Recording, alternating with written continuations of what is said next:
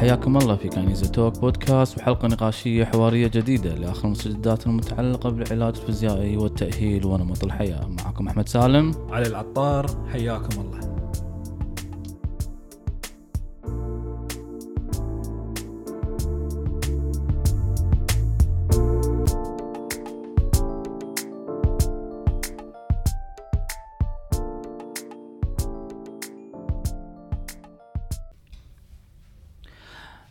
وسهلا أعزائي المستمعين وحلقة جديدة من The Kinesia Physio Talk اللي يرجع لكم كل شهر بمواضيع طبية مختلفة قدمها مع دكتور علي العطار شلون دكتور علي؟ أهلا وسهلا دكتور أحمد يعطيكم العافية جميعا الله يعافيك شلون كان الأسبوع وياك؟ حلو حافل و يعني في وايد actions طعمت؟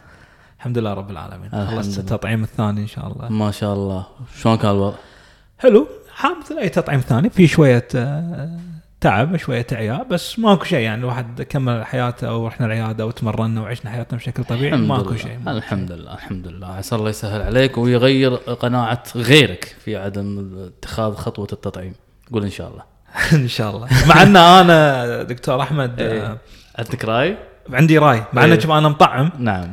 بس ما حبيت أصور ولا حبيت أحط أدري حسيت عرفت إيه. شلون؟ وهكتك أنا الحين يعني. ولا لا أو عادي ومؤمن في أهمية ال- ال- التطعيم ولكن أنا عندي قناعة مهمة إن هذا القرار لازم يكون قرار شخصي مبني على قناعة نعم نعم. وضد إن أي إنسان يتم التأثير عليه بطريقة أو بطريقة. ثانية علشان ضد قناعته عرفت شلون؟ نعم. نأمل نامل ونطمع, ونطمع إن الكل يتخذ هذا القرار ولكن في النهاية أنا أؤمن إن كل إنسان حر في اتخاذ القرار لأن في النهاية كل إنسان راح يتحمل تبعات قراره سواء كانت النتا- النتائج إيجابية أو كانت النتائج سلبية كل إنسان مسؤول عن نتائج قراراته جميل جميل.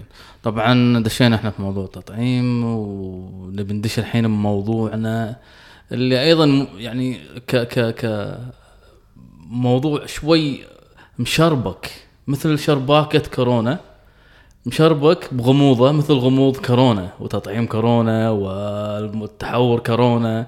موضوع شنو دكتور موضوعنا اليوم؟ آه، مفصل الحوض ألام مفصل الحوض. ناس sacroiliac joint pain طبعا ألم مفصل الحوض مو الورك يمكن الناس يتلخبطون الحوض من الورك لا الحوض.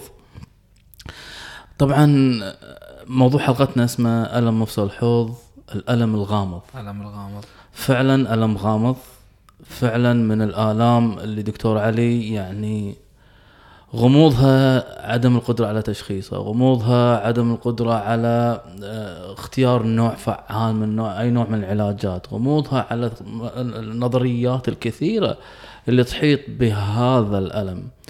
آه، ولكن ما زال غامض.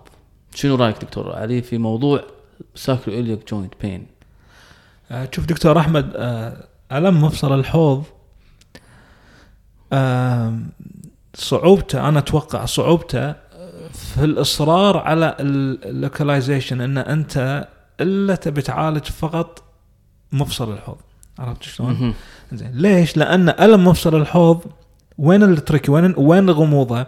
هو ممكن يعطيك ألم في الظهر أو مو أو كيف؟ أو أو يعني ممكن تكون المشكلة من الحوض ولكن راح تحس الألم في الظهر. مهم. ممكن تحس الألم في الحوض ممكن تحس الألم في العزيزو ممكن تحس الألم في الفخذ من قدام. نعم. ممكن تحس الألم بالفخذ من على جنب عرفت شلون؟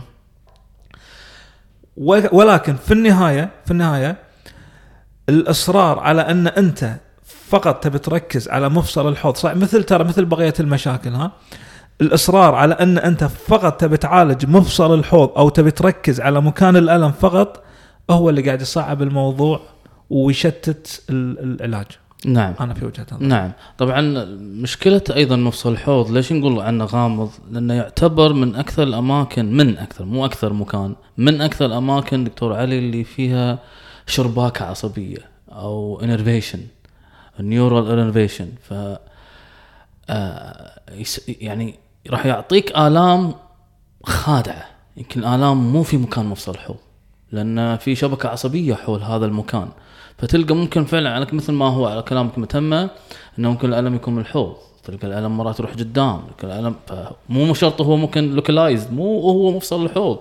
فهني يا موضوع إنه غامض. ليش غامض دكتور علي؟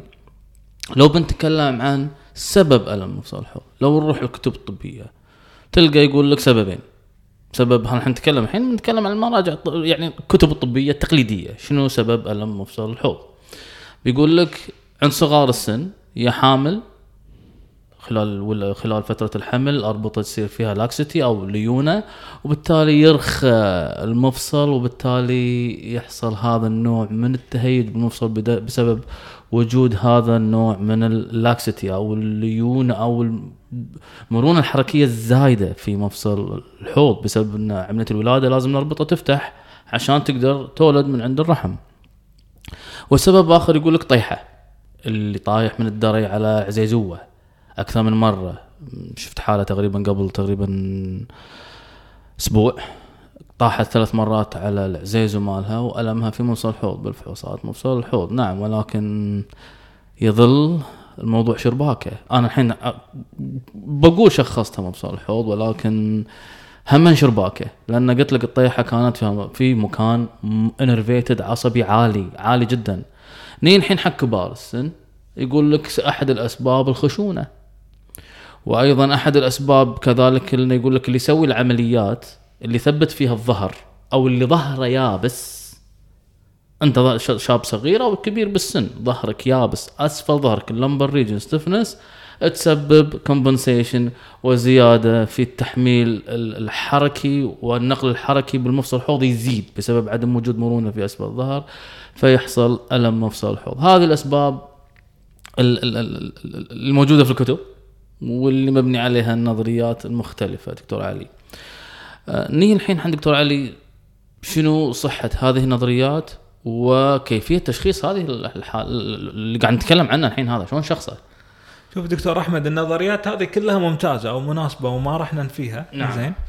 ال- ال- الفكرة كلها شلون أنت تفسر هذه النظريات أو شلون أنت تستفيد من هذه النظريات بالجانب التشخيصي أو الجانب الكلي- الكلينيكي. مفصل الحوض من المفاصل اللي هو شكل الإلكترون. من المفاصل اللي هو فيوز تقريبا ثابت ما يتحرك. نعم. نسبة الحركة فيه الدرجه الدرجة اللي فيه جدا قليلة جدا لا تذكر. نعم. زين. كمية الأربطة اللي تمسك مفصل الحوض الجهة الواحدة قوية جداً. قوية جدا والأربطة جدا ثك يعني متينة وماسكة. عرفت شلون؟ فإن المفصل نفسه الحين في ناس يتساءلون يقول لك هل مفصل الحوض يتحرك؟ مفصل الحوض إن بنتكلم عن المفصل بجهة واحدة صعب إنه يتحرك، المفصل الحوض يتحرك على شكل يسمونها golden ball اللي هي glide. اي يتحرك. بعدين أنت لما تتكلم عن مفصل طالع الحوض يتحرك يتحرك على شكل كرة دائري. يعني لا يعني مثلا إذا تبي تقول مفصل الحوض اليسار يتحرك لازم تطالع معاه مفصل الحوض اليمين. يمين. لازم تطالع الفخذ يتحرك وياه. بس ماكو مفصل بس واحد يتحرك بالحوض مو مثل باقي المفاصل. نعم.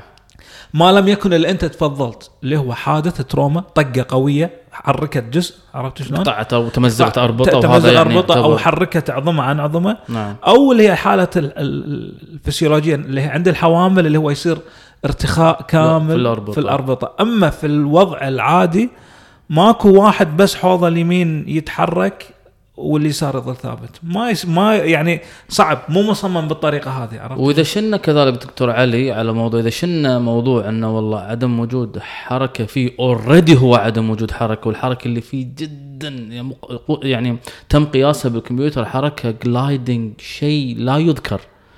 شيء بسيط وقلنا بالسابق دكتور علي ان مفصل الحوض دوره الرئيسي هو ناقل ناقل قوة. ناقل قوة من فوق إلى تحت. تحت. يعني طقة الأرض لما تصعد على ريلك على ركبك على فخذك تصعد هذه القوة تنقل لفوق. بس مو دوره كبير في لما أمشي هو يتحرك معاي ويروح يزلق وياي و15 درجات و20 لا لا لا لا لا, لا. ما في هالكلام هذا كله. لا. لذلك نلقى وايد في تشخيصات دكتور علي يقول لك آه، ميبس. مفصل الحوض عندك صاير فيه تيبس. يبي له تحركة mobilization and manipulation إحنا الحين دشينا الحين على موضوع إن خلصنا من أسبابه خلصنا من ممكن النظريات الخاصة في- مفصل الحوض ما هو. الحين نيجي على موضوع آه، إن آه، موضوع انه دارج. ليش أنا قلت جبت الحين مبكر؟ قبل لا أنا أقول في الفحوصات الخاصة اللي أيضا عليها علامة استفهام ال manipulation هل ال manipulation بيفيد في حال أنا زاد دكتور علي أنا جبت مبكر لأنه زاد. ال manipulation يفيد في حالات أو التحريك بحرك ال- المفصل الحوض مالك يفيد أو بتسوي لي إياه مثلا traction أو بتسوي لي إياه ايا كان. يفيد في أو Mulligan أو ايا كان. يفيد في حالات. ال sacroiliac joint stiffness وعليها أكثر من علامة استفهام. شوف دكتور أحمد نقطتك وايد وايد مهمة وهذه النقطة اللي دائما إحنا نذكرها. لازم إحنا لازم أنت تفرق ما بين تكنيك أو استراتيجيه جابت نتيجة معاك وما بين ليش جابت نتيجة معاك. لأن ليش جابت نتيجة معاك هذا اللي إحنا عندنا اعتراض عليه. كل ال techniques اللي تكلمت عنها سواء كانت آه Mulligan ولا Maitland ولا هو ولا ال mobilization ولا واحد راح يخليك على الفراش ويسوي لك حركة. أنت ما تدري شنو الحركة هذه. راح تكتشف ان مفصل الحوض عندك قلل الألم فيه. عرفت شلون؟ راح يقول لك والله أنا سويت لك Mulligan أنا سويت لك Maitland أنا سويت لك manipulation high velocity thrust Okay ممتاز بس شنو صار عشان يابت نتيجة؟ هل فعلا هو لما سوى لك حركة وسمعت صوت طق هو صدق طق لك الحوض؟ هل لما سوى لك ال- ال Maitland وضغط لك على الحوض هل فعلا هو صدق حرك لك الحوض؟ هل لما سوى لك Mulligan هل لما حطك على الجهاز وسوى لك traction هل مستحيل انت النتيجة إحنا ما نقول ما جابت نتيجة معك ولكن انت اعرف ليش حصلت نتيجة هذه الاستراتيجيات جابت معك نتيجة يمكن لأن فيها البلاسيبو التأثير النفسي يمكن نعم. لأن ضغط لك على العضلة وانت ارتحت. عرفت شلون؟ ما تدري بس لا مو لأنه حرك لك لأن مفصل الحوض ماكو آدمي يقدر يحركه بإيده. بالضبط. إذا مفصل الحوض حتى الجهاز إذا بيبط... إذا الجهاز بيحرك لك إياه لازم يقطع لك شوية تربطه فمستحيل انه هو يقطع لك كم رباط علشان عرفت شلون؟ نعم. فإحنا ما نت... لما نتكلم إي ممكن يجيب معك نتيجة ما عندنا مشكلة بس أعرف ليش جاب معك نتيجة مو لأنه حرك لك شيء. وهذا اللي بنتكلم عنه من ناحية إن ال beliefs وال education وال biopsychosocial مدخلة في موضوع التعامل مع حالات ال sacroiliac joint dysfunction أو ما بقول dysfunction ال sacroiliac joint pain okay؟ أو ألم مفصل الحوض. أنا خطرت على ال manipulation ال stiffness إنه هو واحد من الأسباب اللي ذكرناها سببه. الحين بنقول طرق تشخيصه هني المشكلة. هني تبدي ال- العلة. يعني حتى أنا صراحة شخصيا في العيادة مرات لما أفحص حالة ويكون فعلا شككني أسوي الفحوصات ال provocative test. عليها حكي وايد. يقول لك do it yes do it سوها الفحوصات الخمس. وإذا تطلع لك ثلاثة معناتها نسبة ال sensitivity مالتها وال reliability مالتها عالية معناه يعني Okay عالية بس بس ما زال أيضا مبنية على theories مبنية على ما في proved يعني ما في شيء approve انه فعلا الفحوصات الخمسة اللي أنا أسويها مثلا بالعيادة تشخص لي بنسبة على ال على على ال sensitivity وال reliability مالتها 95% تشخيصي صح؟ اذا هي موضوع how to build belief how to build cause حق الألم سبب ومعتقد. وهني مشكلتنا دكتور علي. يقول لك ال golden standard أو ال- ال- ال- الفحص الذهبي. الفحص الذهبي يقول لك خلاص تدري شلون يبا روح دش العمليات أشعة تداخليه وخلي يطقونك ابره كورتيزون في المفصل ونشوف. صرت زين بمفصل الحوض. صرت زين معناته أنت في مفصل الحوض. ما صرت زين معناته هذا مو مفصل الحوض. أيضا it's tricky because لأنك كنت قاعد تطق الإبرة أو المسكن في مكان innervated عالي. يعني أكيد بتخدر الأعصاب اللي حول المكان فايضا راح يحصل نفسه شنو؟ ال relief إيه. والنتيجة. اذا هل طق الحوض فعلا مفصل الحوض ولا طق الأعصاب اللي حول مفصل الحوض؟ هني tricky وخصوصا إن الدراسات اللي استخدمت مثلا ال dry needle والأبر الجافة واستخدمت techniques ثانية. هني في سؤال دكتور أحمد وايد مهم. منو منو قال إن هذا gold standard أول شيء من حدد إن this is gold standard على أي أساس أنت حددت إن هذا الفحص الذهبي؟ هذا أول سؤال. عرفت نعم، شلون؟ نعم. لأن في وايد challenge على هذا الفحص نعم الذهبي. نعم. فهذا رقم واحد. اثنين لما نتكلم عن ال pain provocation testing الاختبارات اللي هي مهيجة للألم اللي بناء عليها إيه. يغيرون في النهاية ترى شو يقول؟ يقول في النهاية أنت شنو؟ قاعد تسوي حركة قاعد تطلع عوار. بمكان مكان already في عوار. فأنت على في هذا الحين في تحرك انه أنت لما تقولي okay تسوي ال- testing هذا الاختبارات اللي تطلع العوار. ليش بس الخمسة أو الستة أو العشر استراتيجيات؟ أنت عندك حركة وقاعد تسوي لك عوار في هذا المكان. أنت كل اللي تبي تبي تبي تستفيد من هذه الاختبارات إحنا نسميها reference point نقطة ترجع لها، أنت سويت حركة أيا كانت هذه الحركة، الشخص قال لك أنا حاشني عوار في حوضي، ممتاز، تسوي له تمارين تدخله برنامج علاجي بعدها ترد تسوي له نفس الحركات هذه قال لك ماكو عوار. نعم. معناته تحسن. الحين هذه الحركة مو معناته عنده مشكلة في الحوض فعلا ولا ما عنده مشكلة في الحوض دكتور أحمد في وايد كلام أو وايد حكي لازم ننتبه له ونبدأ ننتقل نبدأ نتحرك في العلاج الطبيعي حقه إنه التستنج اللي قاعد نسويها ليش قاعد نسويها؟ هل فعلا عشان إحنا نبي نشخص لأنه ماكو تست في النهاية لو شنو تسوي؟ ماكو تست راح يقول لك فعلا مفصل الحوض فيه مشكلة ولا ما في مشكلة؟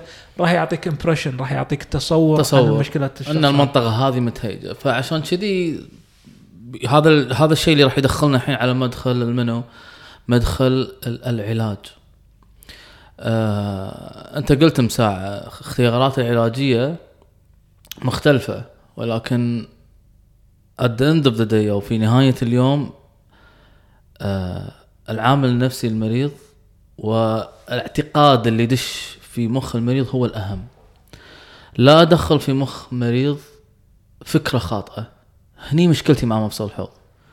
يتحرك يابس آه ملتهب آه هذه الأمور خلاص تخليه مثل ما قلنا في السابق في حلقاتنا السابقة لايك تسبر من دامج أو ألم بيكون أبدي وخلاص وبتلقاه بيفر الفرات عشان يثبتونه له ولا يفر الفرات عشان يحركونه له. ونسينا ال- ال- ال- ال- ال- ال- ال- الفكرة كلها إن أي ألم يبدأ بالعقل وينتهي بالعقل من ثم يتفاعل مع الجسم في أي تكنيك معين تحطه بس إذا بديت في معتقد خاطئ وتكلمنا عن بال بال بال بال بالفترة الماضية اللي قاعد تكلمت فيها خلال البودكاست بالدقائق الماضية أن هناك غموض حول هذه التشخيصات هناك غموض حول حقيقة هذا الألم إذا راح تركب له بمخه شيء آه، ما راح تشلعه منه بسهولة إذا دخلت معتقد أو belief خاطئ.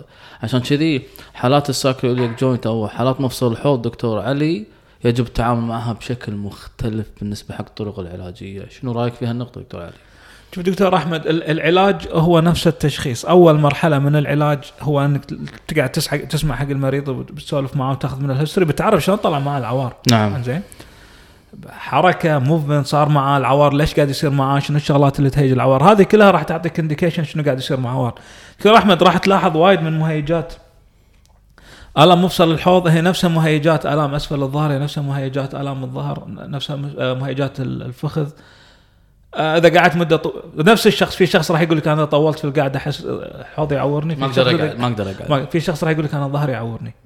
في شخص يقول لك إذا طولت آه، بالمشي مدة طويلة ظهري يعورني في واحد يقول لك إذا مشيت مدة طويلة حوضي يعورني. دكتور أحمد في النهاية the same the same problem same مشكلة عند same مشكلة يعني same problem different pain أو different area of pain. بس نفس المشكلة الأساسية. أنا لما أني شخص عنده مشكلة بالحوض ليش غصب إلا بعالج له بس الحوض وبخلي الباقي ما أنت تبي تعالج له شوية أسفل الظهر وتبي تعالج له شوية الفخذ نفسه وتبي تعالج العضلات. في النهاية راح تشوف إن نفس البرنامج العلاجي اللي ننصح فيه لعلاج آلام أسفل الظهر هو نفسه راح يكون حق مفصل الحوض ترى في النهاية. أنت تبي تقوي عضلات الحوض تبي تقوي المرونة تبي واحد اثنين ولكن شنو إحنا نقول؟ المدخل مختلف الدرايفر بداية دخولك للعلاج. الخطوة العلاجية الأولى الأولى. عر- الزيارة الأولى. دكتور أحمد وين الفرق؟ أنت من ساعه قلتها. الفرق شلون تخوف المريض ولا ما تخوف المريض؟ تزرع في باله فكرة ولا ما تزرع في باله فكرة؟ يا لك مريض يشتكي من ألم في الحوض؟ مرة ثانية أرجع حق الكلمة الذهبية اللي أنت قلتها. أخوفه؟ أقول له مفصلك يابس ما يتحرك ولا مفصلك راخي ويبي له تثبيت. ولا ملتهب. ملتهب؟ لا خلاص أنت خربت العلاج كله. أي شيء بتسوي له بيكون خلاص- خلاص- إيه، خلاص. اقناعه صح بس جدا خلاص، نعم. عشان كذي دائما أنا أركز في حالات ال- ما دام تكلمنا عن العلاج ال- ال- ال sacroiliac joint صراحة طريقتي في التعامل معاها. Education اثقف المريض قدر المستطاع. إن إحنا بنحاول نغطي جميع المسببات. ولكن همي الأول أن أفهمك أن ترى الكلام اللي قلناه بدقائق هذه طافت كلها اشرحها له.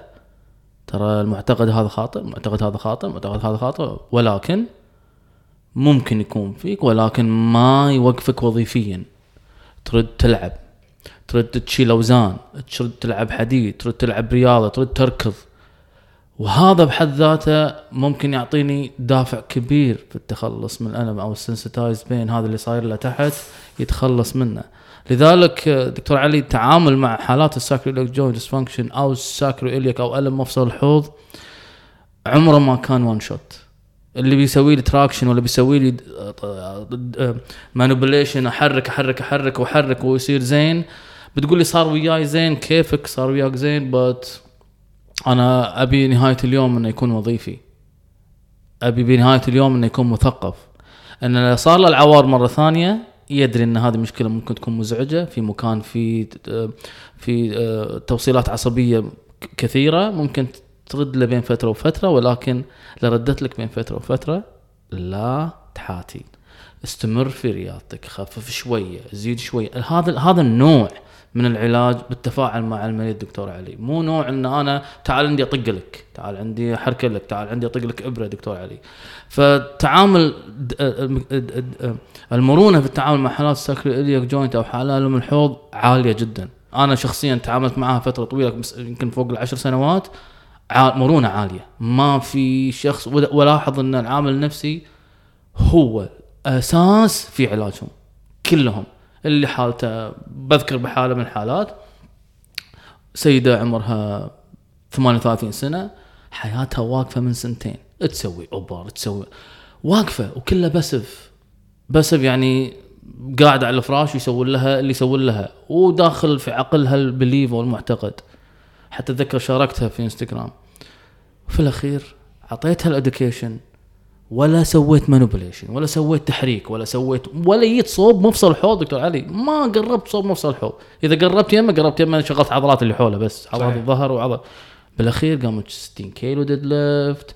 حياتها متمارسة حياتها. ما قامت تدقق علي لما تقعد بالسيارة وتصعد والله أحس فيه. إي بس عادي طاف طاف طاف. تركضين اي اركض الحمد لله وخلاص حياتي تغيرت. ف this is I need هذا اللي أحتاجه في حالات مفصل الحوض إنه يظل وظيفي واذا ياك ما يوقف حياتك. مو اللي قعدك وتظل حركي و functional دكتور علي. دكتور أحمد آه، في كلمة مهمة أنت قلتها. القاعدة العامة لعلاج أي ألم مزمن أو اي ألم متكرر هو ال self management إن الشخص يتعلم يعالج نفسه بنفسه. هذا هذا القاعدة العامة. أو تعلمه. اللي هو عن تأتي عن طريق التعليم. نعم. اللي تي عن طريق, طريق ال education زين؟ إنك شلون تتعامل مع المشكلة مالتك تخاف ما تخاف منها شلون تفهمها. أي ألم مزمن إذا الشخص ما طلع من الجلسة أو ما طلع من العيادة عارف شلون يتعامل مع هذا يتلى مستقبلا. أي ألم مزمن أنت زرعت في عقل المريض إن أنت ما راح تعرف تتعامل مع المشكلة بدوني اذا هذا علاج خاطئ. مو بس مو بس ناقص خاطئ. عرفت شلون؟ سو اللي تبي تسوي من علاجات. ولكن في النهاية نعم تعليم المريض التوعية اللي يعرف اللي له واللي عليه ويعرف شلون يتصرف مع مشكلته. دكتور أحمد بالمريض مو كل مرة فاضي بيه العيادة. مو كل مرة عنده وقت مو كل مرة راح يلقى موعد مو كل مرة عنده عرفت شلون؟ لازم في النهاية يعرف يسوي ال first aid الإسعافات الأولية للألم ماله يعرف شلون يتصرف معه. وهذه التوعية ما راح تي أو ال self management إنه يعرف شلون يعالج نفسه بنفسه ما تي بدون تعليم. انتهى الموضوع. وتغير ال belief لازم تشرح نعم. حق المريض وتفهمه. إذا ما سويت هذا الموضوع أنت ما مشيت صح بالعلاج. صح. عشان كذي نقول دائما إن ال beliefs أو المعتقد حالات مفصل أو ألم مفصل الحوض هو بالدرجة الأولى هو معتقد لأن العلم للحين غامض فيه. لأن العلم للحين غامض في علاجه غامض في تشخيصه غامض في أسبابه. اذا غامض. عشان شي قال مفصل الحوض قلنا الألم الغامض. ممكن جاي من الظهر ممكن جاي من الورك ممكن غامض. عشان كذي بس ما نبي ليبلد أو ما نبي نعلم عليه. لأن التعليم عليه نعلم عليه يعني نزرع مثل ما قلنا في عقل المريض. فكرة. فكرة والفكرة هذه تلصق معه وتصعب عليه حياته وتصعب على أي معالج سواء في العلاج الطبيعي أو في العلاج الفيزيائي أو في علاج الطب الجراحي ولا أي كان تصعب عليه الحل. النهائي بالنسبة حق الألم. نتكلم دكتور أحمد بسرعة عن أهم التمارين. نعم. مفصل الحوض. إذا واحد يبي يطبق التمارين آه، دائما ننصح في التقويات. تقويات تقويات تقويات. طول الوقت تقويات. أصلا ما مر علي بروتوكول أو دراسات تتكلم عن مفصل الحوض ركزت على الاسترتشات. عرفت شلون؟ لأن خصوصا المنطقة تكون وايد متهيجة وممكن تمارين الإطالة الزياده عن اللزوم ممكن تهيج الموضوع. أنت ممكن تسوي أنواع من تمارين الإطالة الخفيفة اللي تعطيك نوع من الراحة بس مو قصدها انها تبي تطول العضلة. نعم. ولكن أغلب التمارين تركز على تمارين أغلب البرامج تركز على تمارين التقويات تقوية. تقويات عضلات الحوض عضلات الفخذ عضلات الظهر. أول شيء دائما تبلش تركيز على جهة واحدة يعني تشتغل على اليمين. بس نش... يعني تشتغل على مكان الألم بس يفضل إن تدخل معاها الصوب الثاني. أكيد. بعدين so يكون single side training بس تشتغل على الجهتين الجهة المؤلمة والغير مؤلمة. وبعدين تدخل double legs أو double areas يعني. ما- بعدين. تشغل منطقتين مع بعض. على سبيل المثال تمرين آه، ال bridge اللي هو تصعد بالحوض. أساسي. أساسي. تسويه بريل واحدة مثلا تمرين ريلك اليمين. بعدين ريلك اليسار. مرة تبادل. بعدين تسوي تمرين بريلين. بعدين تبدأ تسوي معها squat deadlift. بعدين اللي أنت من ساعه قلتها تبدأ تدخل أوزان ثقيلة. نعم. أوزان آه squat ثقيل deadlift ثقيل. تبدأ تدخل هذه التمارين. هذه الخطوة أو هذه الطريقة بكل بساطة تستخدم لعلاج آلام الحوض. ولها الخطة هذه لها دور فسيولوجي؟ ولها دور نفسي. لما المريض اللي يعاني من آلام مثل قلت لك الحالة اللي عندي أنا حالتين ما دائما لما أتكلم عن مفصل أذكر حالتين ما أنساهم. يشوف نفسه طلع برا دائرة الألم أو برا دائرة ال أوكي سويت؟ ما أوكي عادي. سويت شلت عادي. الأمور اللي كنت خايف منها خلاص ما أوكي في عوار خفيف بس ما زاد علي ثاني يوم. ما سبب لي مشكلة كبيرة. اذا هذا بحد ذاته يعطي يعلم ال self management أو إعادة أو, السيطرة على الألم بنفسه والأمان ياخذ الأمان ذهنه وبالتالي ال beliefs أو المعتقدات اللي موجودة عنده بالنسبة حق أي حركة راح تعوره أي حركة راح تأذيه أو الألم بيأذيه بيكون أقل وأكبر منه شنو؟ العامل الحركي أو العامل الوظيفي في السيطرة على الألم. دكتور أحمد بسرعة أنا برجع على نقطة الكورونا. إحنا بدينا في الكورونا. خلينا نقيس على موقف الكورونا شنو صار. أول ما صارت الكورونا والمعلومات والإش- والوايد كانت في إشاعات وايد أخبار خاطئة صارت ربكة في الكرة الأرضية كلها.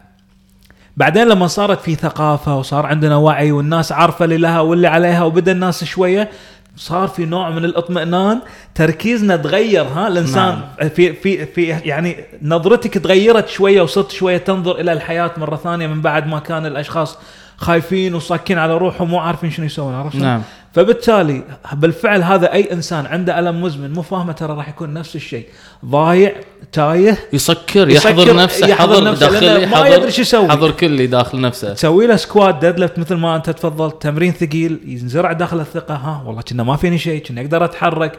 يرد يسألك دكتور في عور تقول له عادي ما في مشكلة. خلاص هني أنت طلعته من دائرة إلى دائرة أخرى دائرة الأمان. بس حاشني عوار بالحركة الفلانية حاشني عوار بالحركة الفلانية. okay طبق التباعد الاجتماعي طبق وخر عن هذا شوية الحين بس كمل الثاني. أنت قاعد تلعب this kind of game روح اطلع فتحنا المطار. بس احجز نفسك سبعة أيام أسبوعين. حاول تتباعد عن تجمعات الحين ها بتمارين قاعد حاشني عوار شوية okay أي تمرين هذا؟ الباقي خلاص بخرة شوي. من دخلت بخر أنت فاهم قصدي؟ قاعد نلعب هذا النوع من المرونة. مثل وخش مثل دكتور علي. دخلت الكورونا مع إيه. إيه؟ ألم. فعلا لأنه هو بالبداية غامض بالنسبة لك ولكن بدت الأمور وللحين مو مكشوفة ترى يعني الأمور مو واضحة للحين ها؟ ولكن صرنا أكثر اطمئنان صرنا أكثر فهامية عن طريقة حدوث ال- ال- المشكلة. okay نوع المشكلة. خلاص أسوي اللي علي بس حياتي ما توقف على هالمشكلة. دكتور أحمد هذا يسمونه في علم الألم يسمونه active learning التعليم ال- التفاعلي. نعم. إن أنت مو بس تقعد المريض لما تقول أنت توعي المريض الناس عبالهم أنت قاعد مسكين قاعد على الكرسي بس تسولف. لا تتح... يتحرك يقول لك ويكلمك وتكلمه ومع الأيام ومرة بعد مرة لغاية ما يصير عنده هذا الوعي. فهذا يسمونه active learning من أفضل طرق العلاجية. التعامل العلاجية لجميع الآلام المزمنة. أي نعم. نعم نعم. طبعا دكتور علي موضوعنا كان وايد straight to the point مثل كالعادة تثقيفي وايد توعوي وايد. كلامنا مبني على دراسات. يعني لما نقول كلام ترى ما نقول يعني طرق تشخيص طرق العلاج طرق في دراسات كثيرة. مقارنات كثيرة. لقوا في الأخير طوفة. طوفة. دعموا بالطوفة. لقوا إنه ها نفس الشيء. ها نفس الشيء. العلاج بالهذا ولا علاج هذا ها نفس الشيء. الإبرة ولا تمارين طلع نفس الشيء. ها انزين شو الحل؟ الحل التفاعلي اللي قلته عن دكتور علي. الناس شلون تعلم مريض أو اللي يعاني من ألم مفصل الحوض انه شلون يسيطر على الألم معتقداته ويبني عليها حياته بالنسبة حق طريقة في التخلص من الألم بالنسبة حق هذا الألم الغامض اللي شرحناه خلال كم دقيقة صار؟ خلال ال 29 دقيقة خلينا نقول نص ساعة. طبعا دكتور علي كلمة أخيرة. يعطيكم العافية. يعطيكم العافية. طبعا وصلنا حق ختام نقطة خن- حق موضوعنا موضوع ألم مفصل الحوض. ونلتقي فيكم إن شاء الله بالحلقة القادمة من بودكاست The Kinesio Physio Talk مع دكتور العطار مع السلامة. مع السلامة.